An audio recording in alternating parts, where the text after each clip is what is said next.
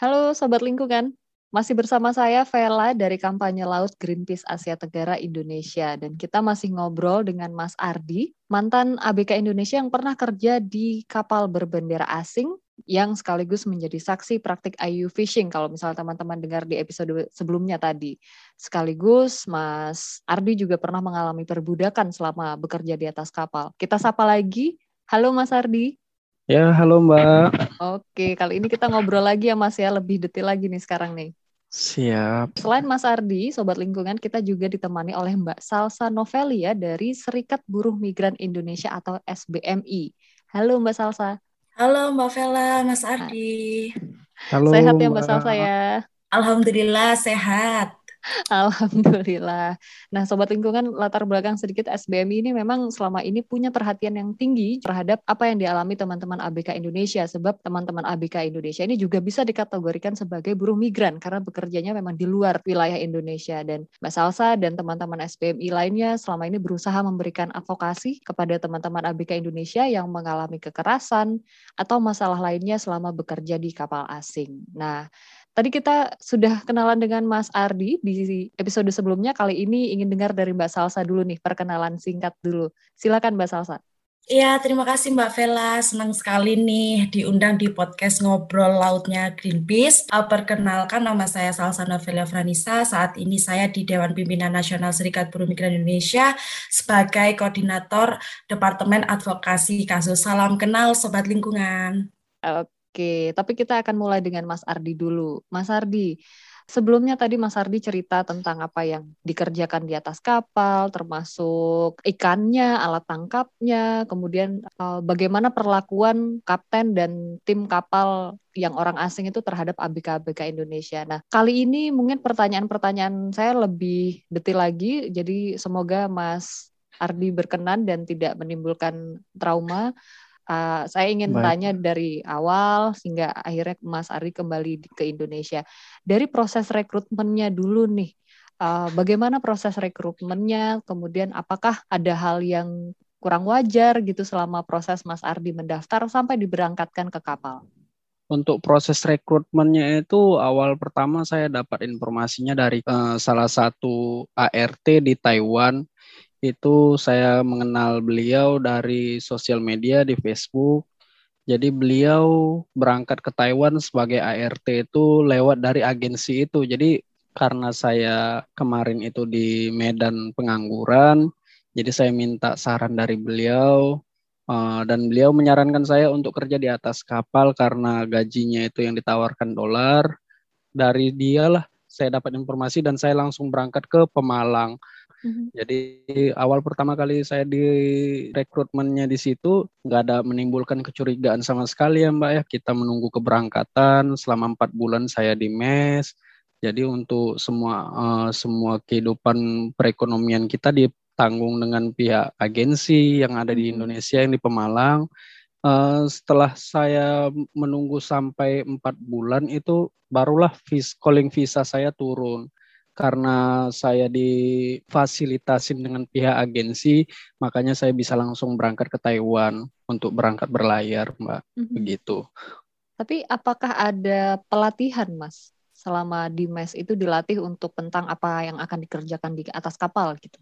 Pelatihan kemarin itu sempat kita diberikan pelatihan, itu pelatihannya langsung dari pendidikan ilmu pelayaran di Semarang ya Mbak ya hmm Tapi karena itu statusnya itu mungkin tembak sertifikat itu Mbak. Tembak sertifikat kemarin itu selama lima hari. Di situ kita dilatih. Setelah itu kita pulang.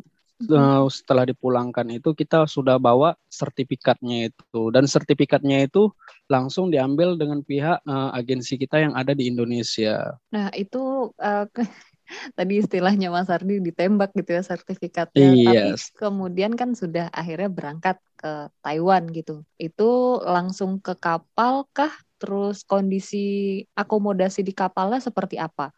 Uh, mm-hmm. Pada saat kita udah sampai di bandara Taiwan itu kita langsung dijemput dengan pihak agensi yang ada di Taiwan setelah itu langsung kita uh, menuju ke pelabuhan. Okay. Kalau untuk kehidupannya di atas kapal itu kita semuanya di ya dibiayai, difasilitasin mm -hmm. semua gitu, mulai dari tempat tidurnya, mulai dari mm -hmm. makannya, persediaan kita gitu.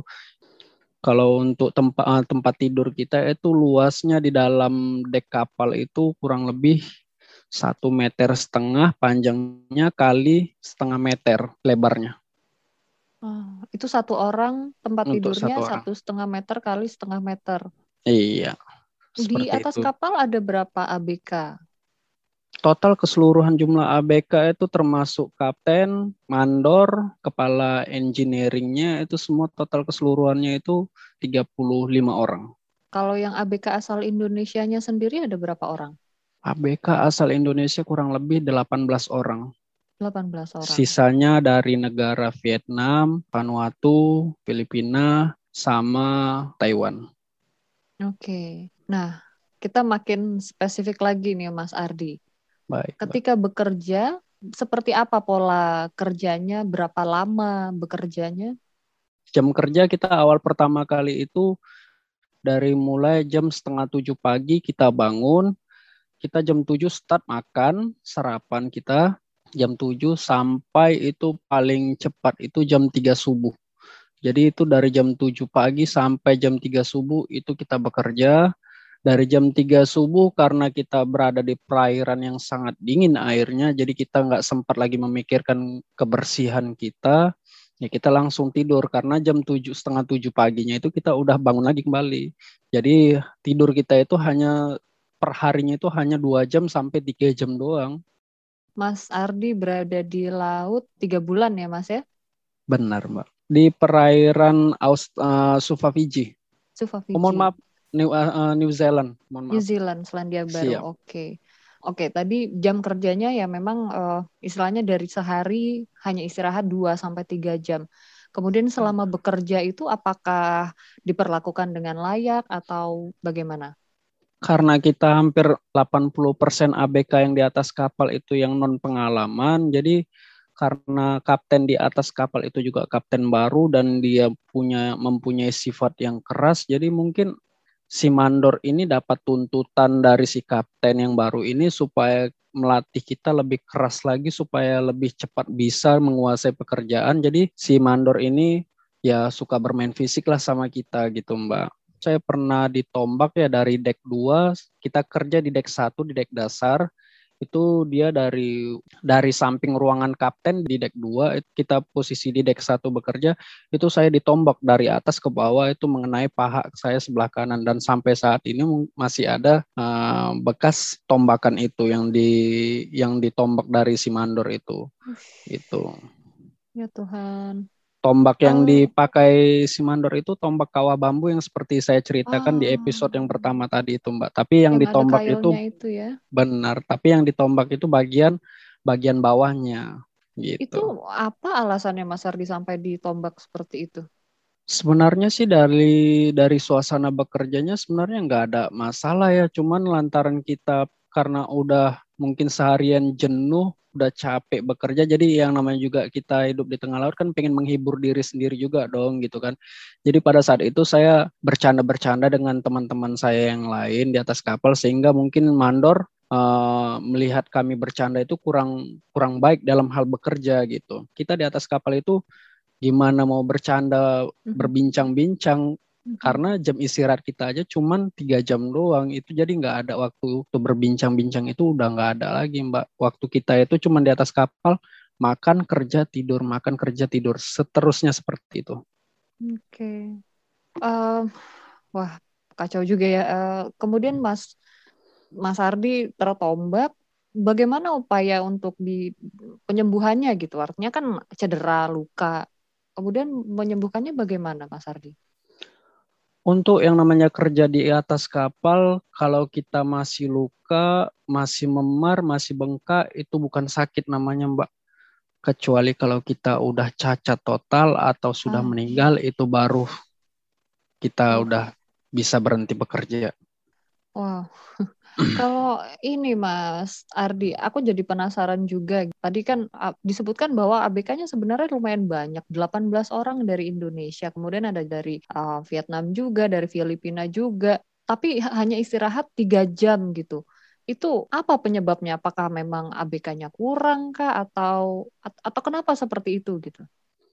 Sebenarnya bukan ABK-nya yang berkurang ya Mbak, karena seperti tadi yang saya bilang, karena di atas kapal itu 80% itu yang non pengalaman, salah satunya ah. saya sendiri itu. Jadi ya untuk menguasai pekerjaannya itu benar-benar butuh ekstra banget pikirannya supaya cepat nangkap pekerjaannya itu karena hmm. contohnya untuk okay. menjadi sebagai tukang gulung kailnya itu butuh proses karena hmm Umpan kita sendiri aja itu untuk umpan ikan itu ikan tuna, Mbak. Bisa bayangkan nggak, Mbak? Kita dilatih di atas kapal dengan posisi laju kapal yang lumayan kencang melawan ombak. Kita disuruh untuk secepat mungkin menggulung kail itu tadi. Namanya yoka namanya, Mbak. Mm-hmm. Kita disuruh secepat mungkin untuk menggulung yoka karena ombak di dalam laut itu kan kita nggak tahu seperti apa sirkulasinya gitu mbak yeah. supaya menghindari jangan sampai ada benang-benang yang kusut. Tali yoka yang di dalam laut itu jangan sampai ada yang kusut gitu, Mbak. Oke, artinya memang um, jam kerjanya sangat panjang, kemudian uh, banyak perlakuan yang kasar gitu ya, artinya itu adalah ya, mengandung kekerasan juga untuk ABK. Lalu bagaimana proses pulangnya Mas Ari dari dari kapal tersebut sampai bisa kembali tiba di Indonesia itu uh, bagaimana? Proses pulangnya ya karena kemarin itu saya kompakin senior-senior saya itu ya selama perjalanan dari New Zealand ke Suva Fiji itu kita menempuh perjalanan 14 hari. Setelah teman kita meninggal itu tiga hari setelah teman kita meninggal itu kita mengajukan supaya untuk menyandarkan kapal ke pelabuhan dermaga terdekat. Uh, awalnya kapten tidak menyetujui, tapi karena ada salah satu teman kita namanya Ricky, dia yang pandai berbahasa Inggris, jadi dia yang berbicara dengan kapten sambil menangis, sambil marah-marah dan kita juga mendukung teman kita itu si Ricky itu. Jadi akhirnya kapten menyetujui supaya teman kita itu untuk dipulangkan ke Indonesia. Tapi selama di waktu di perjalanan dari New Zealand ke Suva Fiji itu kita malamnya itu setelah kita memasukkan jenazah ke dalam palka freezer itu kita diminta ke ruangan kapten satu persatu untuk dimintain tanda tangan. Jadi tanda tangan yang yang diminta kapten itu kita cuman melihat di atas kertas kosong satu lembar yang terdapat di dalamnya itu daftar nama kita doang. Kop surat di atas nama-nama kita itu tidak ada kejelasan gitu. Setelah begitu sampai di darat, kita lihat itu uh, seperti dimanipulasi sama si kapten bahwasannya itu daftar ABK yang minta pulang. Dia membuat keterangan surat itu setelah kita semuanya sudah menandatangani okay. kertas itu. Jadi setelah kita tanda tangani, kita di semuanya di uh, sebelum sampai di dermaga kita ditanyain satu persatu pakai bahasa Inggris, Indonesia, siapa yang mau pulang? Seperti itulah kira-kira bahasa si kapten kan, Mbak dan kita semuanya minta bukan minta pulang tapi kita minta pindah kapal tapi si kapten tidak menyetujui. Jadi si kapten okay. bilang sama kita Indonesia go home oke okay lah. Jadi pada saat begitu sampai di darat kita dikasih pinjaman 50 dolar per orang. Dari situ kita semuanya dipulangkan. Okay. Dan situ itu 50 dolar itu itu menjadi masuk dalam hutang kita juga gitu selama pulang kepulangan kita itu memakan waktu kurang lebih tiga hari Okay. Dan selama tiga hari itu kita harus bisa meminimali, meminimalisir seminimal mungkin untuk menggunakan uang 50 dolar itu.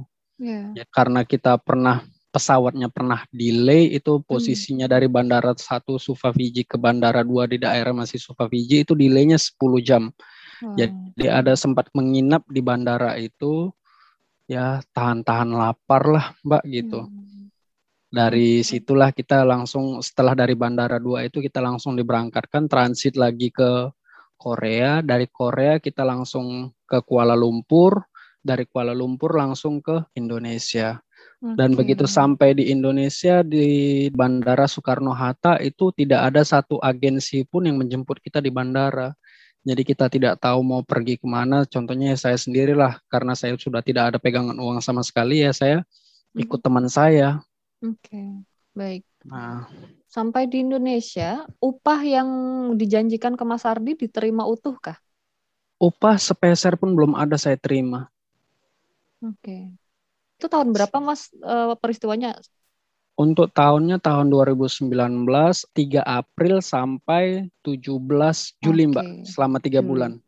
Juli. Oke, baik. Terima kasih Mas Ardi 2019 ya peristiwanya. Uh, aku iya. mohon izin ingin beralih ke Mbak Salsa. Terima kasih Mbak Salsa sudah menunggu. Mbak, um, ini kan tadi kita sudah dengar sangat detail gitu ya cerita dari Mas Ardi tentang kekerasan yang dialami ABK, kemudian banyak juga praktek-praktek lainnya kerja diforsir, upahnya tidak dibayarkan sedemikian rupa sampai ini juga dikategorikan sebagai tindak pidana perdagangan orang gitu karena memang uh, ABK Indonesia uh, dipekerjakan di luar negeri untuk dieksploitasi dan dan ada pihak-pihak yang mengambil keuntungan di belakang situ. Begitu ya Mbak Salsa ya?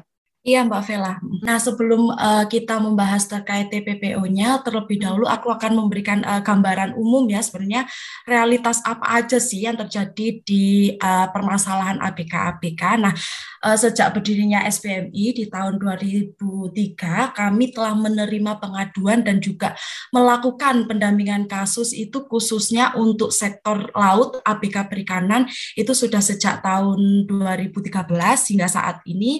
Kemudian juga juga dalam proses migrasi menunjukkan bahwa perampasan hak itu terus terjadi kepada buruh migran karena memang ada relasi kuasa yang tidak setara nih antara buruh dengan perusahaan penempatan atau dengan pemberi kerja. Nah, kemudian dalam hal ini bisa dilihat juga dari berbagai kasus yang dialami oleh buruh migran di hmm. semua tahapan migrasi baik itu pada saat sebelum bekerja, kemudian uh, selama bekerja sampai juga uh, si ABK ini menjadi purna ABK. ABK itu menjadi salah satu kelompok yang paling rentan terhadap diskriminasi dan juga stigmatisasi.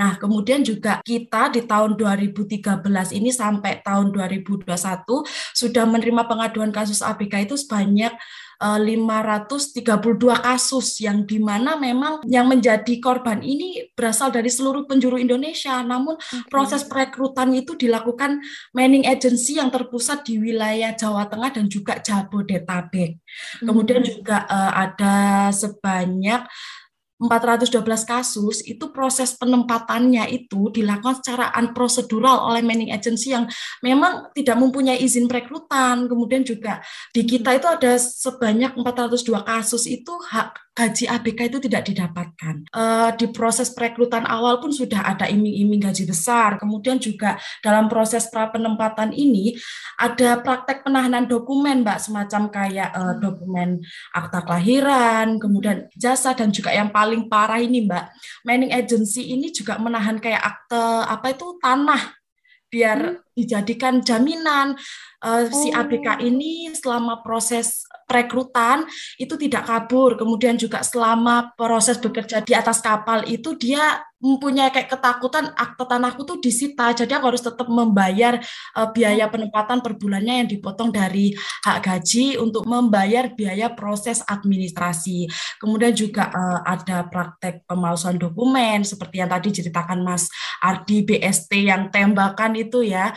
Nah itu memang hmm. sudah menjadi hal yang kayak apa ya di ABK selalu lah, iya mbak. Hmm. Kemudian juga buku pelaut itu dipalsukan, hasil medical check up itu juga dipalsukan. Nah, hmm. paling parah lagi itu ABK kita itu tidak mendapatkan pelatihan, mbak. Hal ini kan juga sangat uh, semakin membuat ABK ini beresiko tereksploitasi di atas kapal karena nggak ngerti kan ya hmm. dia iya. harus ngapain, alat tangkapnya itu seperti apa, cara penggunaannya itu seperti apa. Hmm Nah, kemudian juga adanya transshipment, pemindahan ABK di tengah laut. Kemudian banyak sekali ABK kita itu saat melakukan penangkapan diminta untuk menangkap hewan laut yang memang itu dilindungi dan itu hmm. kita tidak boleh menyalahkan ABK-nya ya dalam hal ini ABK sendiri kadang tidak tahu hewan apa aja yang dilindungi atau tidak. Nah, kemudian ditemukan juga itu ABK bekerja di atas kapal itu nggak sesuai perjanjian kerja laut, Mbak. Kayak contoh hmm. awalnya mau dipekerjakan di kapal apa, tiba-tiba udah di negara penempatan kapalnya berbeda, bendera kapalnya juga hmm. berbeda. Kemudian juga kondisi tempat tinggal di atas kapal itu sangat-sangat tidak layak ya kebanyakan yang faktanya tidak diberikan makan dan minum yang layak. Ada juga hmm. itu yang uh, eh, ABK selama enam bulan berlayar dia hanya diberikan makanan bawang bombay. Yang nggak dimasak bawang bombaynya.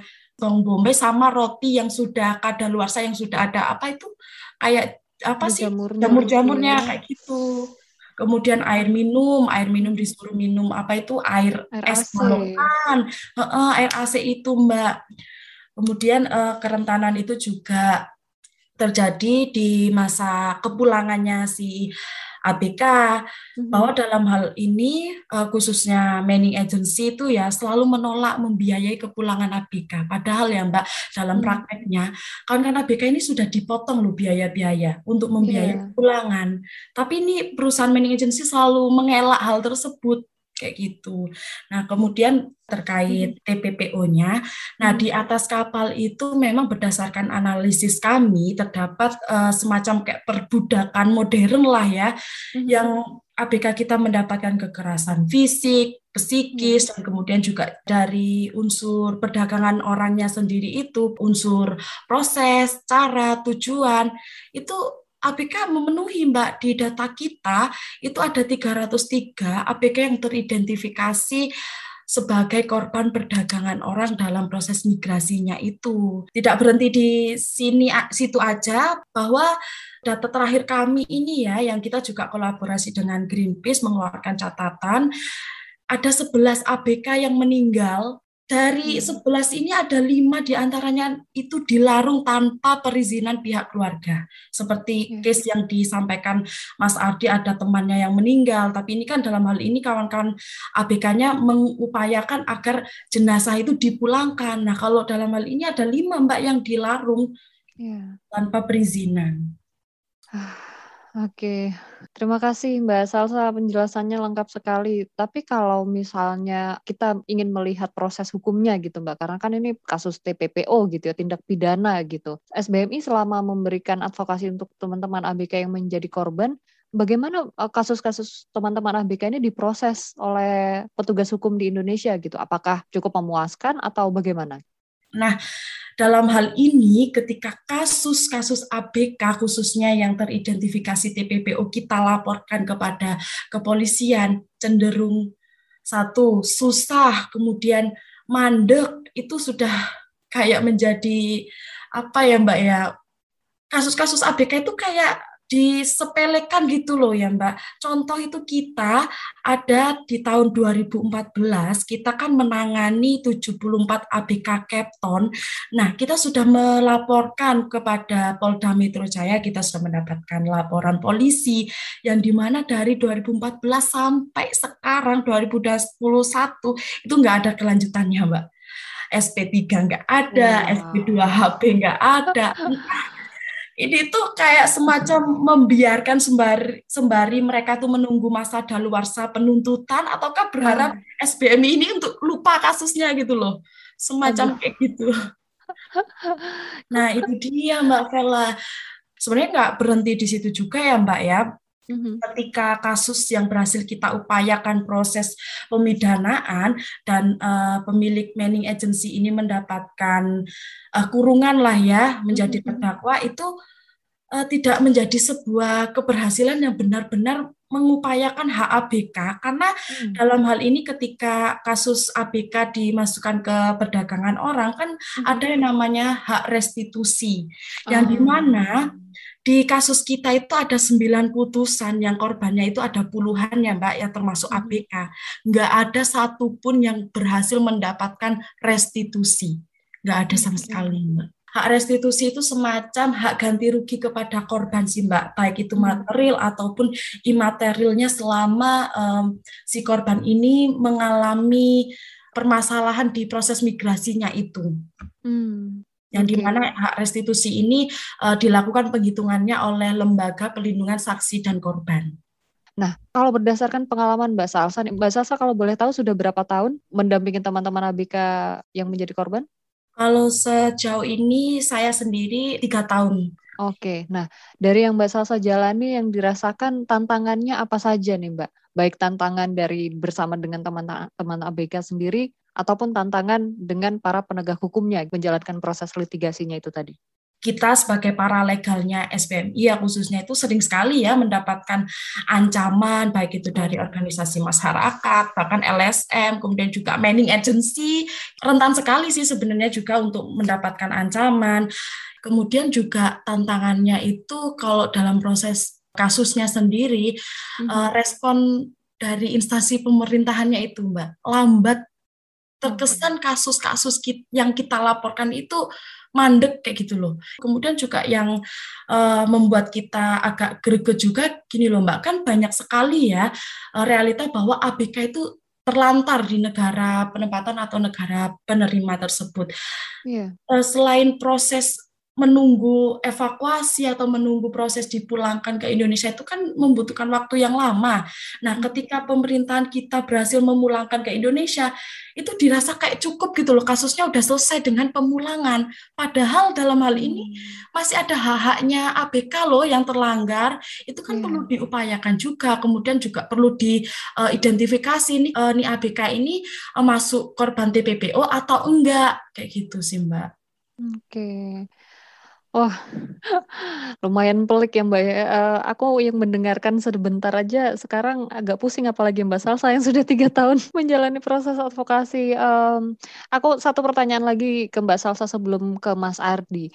Tadi Mbak Salsa bilang bahwa memang dari sekian lama SBMI memberikan advokasi untuk teman-teman ABK ada 500 lebih laporan yang masuk dan apalagi yang ditangani sekarang ini pasti juga masih banyak dan tidak menutup kemungkinan juga bahwa di masa yang akan datang akan ada lagi laporan-laporan dan korban masih berjatuhan. Kalau berdasarkan pengamatan Mbak Salsa, kira-kira kenapa nih Mbak kok korban terus berjatuhan? Apakah karena tadi iming-iming gaji besar? Apakah karena memang pengetahuan uh, yang terbatas atau regulasi yang kurang kuat, penegakan hukum yang lemah atau semuanya?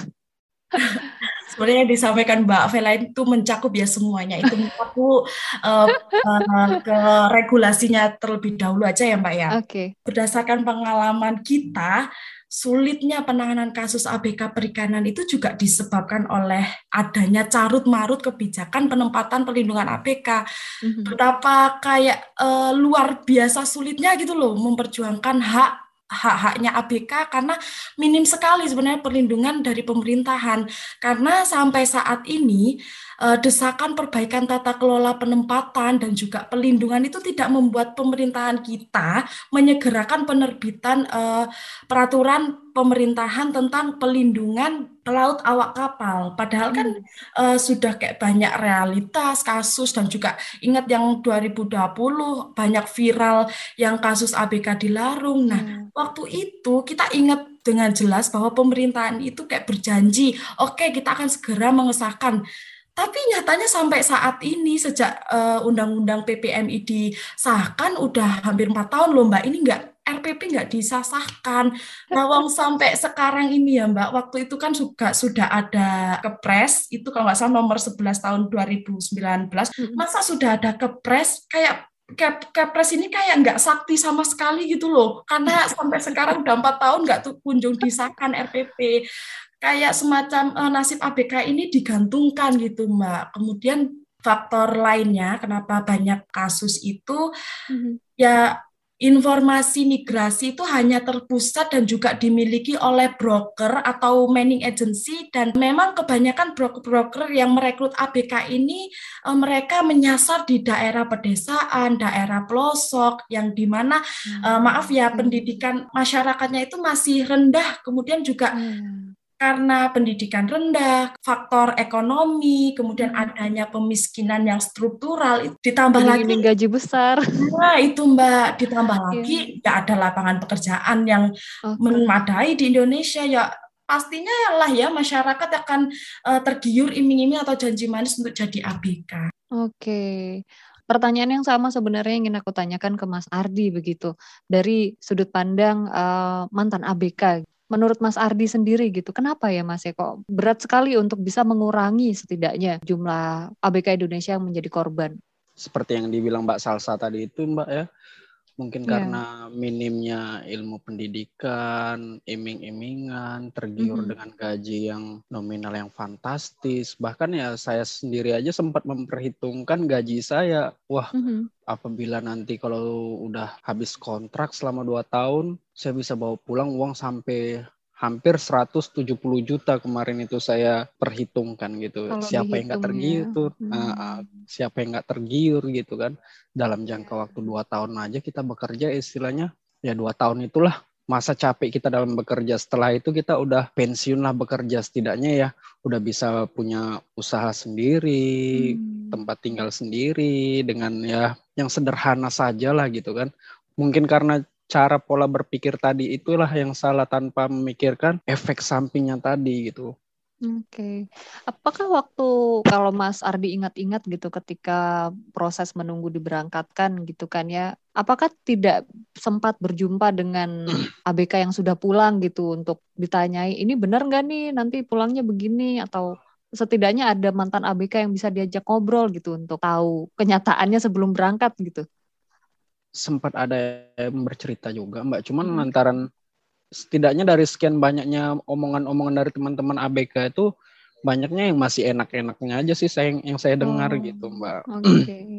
Makanya saya ya karena saya mikirnya kayaknya seru juga ini karena saya orangnya lebih iya. senang tantangan gitu kan karena kan sebelum saya berangkat berlayar itu saya nggak pernah berpikir yang aneh-aneh gitu mbak jadi yeah. saya memang modalnya modal nekat aja dah udahlah gitu. Mm-hmm. Jadi makanya saya berangkat gitu, Mbak. Oke, okay. itu kan pengalamannya Mas Ardi gitu ya sebelum berangkat, ketika dapat cerita dari sesama teman ABK yang sudah pulang, dapat ceritanya yang indah-indah saja gitu. Tetapi sekarang kan Mas Ardi sudah mengalami itu dan tahu ternyata ada hal yang nggak enaknya. Nah, kalau misalnya podcast ini didengarkan oleh teman-teman ABK Indonesia yang saat ini sedang berjuang ataupun calon ABK yang mau kerja di kapal ikan asing nih Aku ingin tanya, Mas Ardi, kira-kira ada pesan yang ingin disampaikan nggak ke teman-teman ABK Indonesia? Pesan-pesan saya sih ya buat teman-teman ABK ingat bukan cuma diri Anda sendiri yang sayang dengan diri Anda, bahkan dari orang lain pun masih banyak yang menyayangi diri Anda. Jadi ya pedulilah dengan diri Anda karena di rumah itu banyak orang yang menanti kepulangan Anda gitu. Apabila di Indonesia masih banyak untuk untuk usaha untuk mencari pekerjaan, untuk mencari penghasilan, lebih baik cari amannya saja gitu. Kalaupun memang udah mentok nggak dapat pekerjaan, lebih baik keluar kota ketimbang kitanya uh, merantau ke luar negeri. Oke, okay. sayangilah itu, diri sendiri dan sebisa mungkin cari pekerjaan di dalam negeri saja begitu ya Mas Ardia karena kalau ke berangkat ke kapal asing bahasanya asing, wilayahnya asing di laut Uh, belum tentu bisa pulang juga akhirnya ya Mas Ardi ya. Benar, Oke, semoga uh, pesan dari Mas Ardi didengar oleh teman-teman ABK. Sekarang aku ingin kembali ke Mbak Salsa lagi. Apa yang kira-kira Mbak Salsa ingin sampaikan gitu ke teman-teman ABK Indonesia yang mungkin masih dengan angan-angannya itu tadi ya diiming-imingi gaji besar, kerjanya enak, dilatih, uh, akomodasi ditanggung, tapi ternyata kan kenyataannya tidak demikian pesan dari Mbak Salsa untuk teman-teman ABK bagaimana? Iya, Mbak Vela. Kalau dari saya khususnya pesannya nggak cuma untuk kawan-kawan yang mau jadi ABK dan juga sudah menjadi ABK, terutama pemerintahan dulu ya ini karena yang paling penting sebenarnya. Yeah. Dirasa hingga saat ini itu negara seperti kayak tidak benar-benar hadir menjamin perlindungan ABK. Tentunya dengan uh, banyaknya realitas permasalahan migrasi yang telah dialami ABK, harusnya ini lintas kementerian itu menghilangkan ego sektoralnya dong demi perlindungan ABK dan juga uh, harapannya pemerintah Indonesia itu segera mengesahkan RPP ini. Kemudian juga yang kedua, pemerintahan Indonesia harus meratifikasi konvensi ILO nomor 188 jika uh, perbaikan tata kelola penempatan ABK ini tidak dituntaskan, itu kayak ada uh, semacam akibat sosial yang luar biasa besar dan eh, lagi-lagi yang dirugikan adalah ABK dan keluarganya uh, dalam hal upaya penindakan harus jelas dan tegak sesuai dengan hukum yang sudah ada. Kemudian juga uh, upaya diplomasi pemerintahan Indonesia ini juga harus diperkuat kembali dong, seperti bagaimana pemerintah itu harus kuat melakukan upaya penekanan kepada pihak negara kapal seperti membuat bilateral agreement kayak. Kemudian uh, yang kedua pesan yeah. saya kepada masyarakat umum dan juga uh, sobat lingkungan Tentunya siapa pun yang mau menjadi ABK di luar negeri itu bisa kembali lagi karena uh, bekerja itu adalah hak.